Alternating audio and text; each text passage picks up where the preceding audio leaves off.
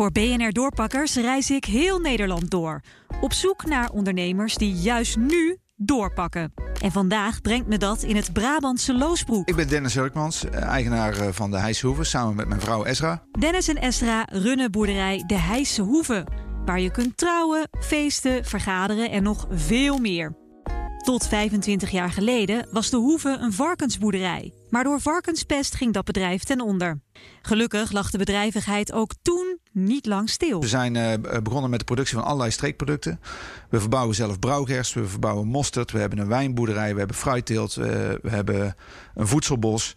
Dus, en al die producten. Een voedselbos? Wat ja, is dat dan? Een, voedselbos is een, uh, ja, een manier van telen waarbij je eigenlijk de natuur helemaal zijn gang laat gaan. Dus niet spuit, geen bemesting toedient. En uh, accepteert dat ziekte en plagen dus het ene jaar uh, tot een hoge en dan het andere jaar tot een lage oogst kunnen leiden. En je probeert je implanten van uh, bomen en struiken zo te doen dat de plaag van de ene weer tot voordeel van de ander leidt, zeg maar. Nou, zo leer ik nog eens wat op de plekken waar ik kom. Anyway, na de varkenspest wordt de Heise Hoeve nu lam gelegd door het coronavirus. We gingen gewoon op slot. Het was dicht, het was klaar. Dus we waren 22 jaar verder en we hadden weer een virus. Maar goed, we wisten inmiddels van die ervaring van bijna 25 jaar geleden... dat een virus niet alleen bedreigend is en niet alleen uh, verschrikkelijke dingen doet... maar dat uh, een virus echt een gamechanger is. En dat, maar dat er dus ook enorme kansen uh, tevoorschijn komen. Dus daar hebben we wel vanaf dag 1 op gefocust. Dus zijn we begonnen met nieuwe dingen. We hebben onze foodproductie opgeschaald. Dus we, zijn, uh, uh, onze, we bestoken onze eigen whisky. Uh, we hebben onze whiskyproductie verhoogd. We, zijn, we hebben een koffiebranderij zijn we gestart. We zijn nu bezig met het implanten van olijfbomen. We worden de eerste olijfbomenteler van Nederland.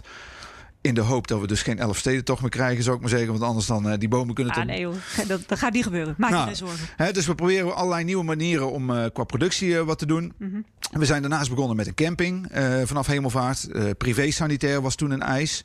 Nou, wij dachten, hey, we hebben 28 hotelkamers leeg staan. Laten we bij elke campingplaats ook een hotelkamertje geven. Hebben mensen een privé badkamer. Hartstikke luxe. Je hoort, Dennis is duidelijk niet voor één gat te vangen. Hij neemt me mee naar zijn nieuwe goudmijn, de whiskystokerij. Gelijk een hoop herrie?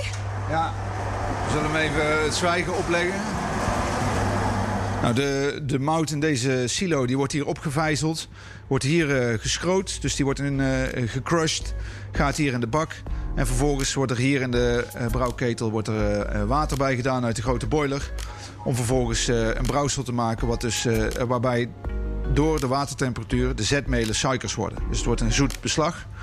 En dat kunnen we dan laten vergisten. En die gistcel die zet dan de suikers om naar alcohol. En uh, onze master distiller. Echt... Ah, hier is de kenner. Ja, dit Hallo. is hem. Oh, ik ben Marcel Verroesel. Ik ben hier uh, de master distiller, zoals ze dat uh, noemen. Uh, ja, we, we, maken hier hele mooie whisky. Ja. En hoeveel liter per week maak je nu? 400 liter per week.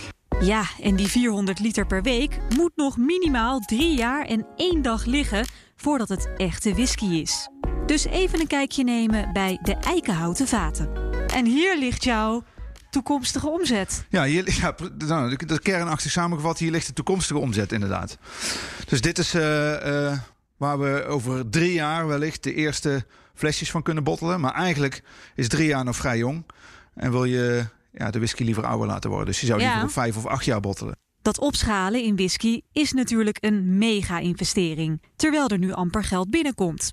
Hoe dan? Nou, we moeten de overheid denk ik toch wel dankbaar zijn. Want uh, de NOW-regeling hebben we natuurlijk uh, uh, gehad. Dus dat, dat doet echt veel. En ik bedoel, ik kan ergens begrijpen dat mensen zeggen... ja, het wordt niet allemaal vergoed. Nou ja, nee, maar er is in de land ook nog zoiets als ondernemersrisico. Ik prijs mij gelukkig dat ik ondernemer ben in Nederland... en dat we gebruik kunnen en mogen maken van die regelingen.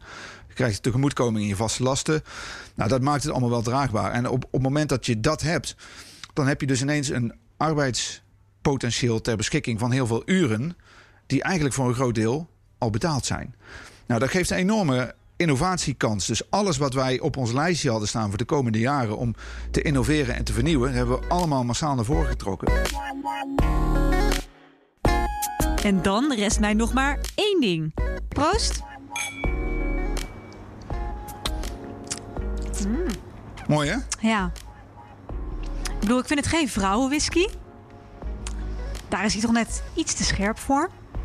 Maar de smaak is heel lekker. Ja. Man, man, man, hij brandde wel bijna een gat in mijn slokdarm.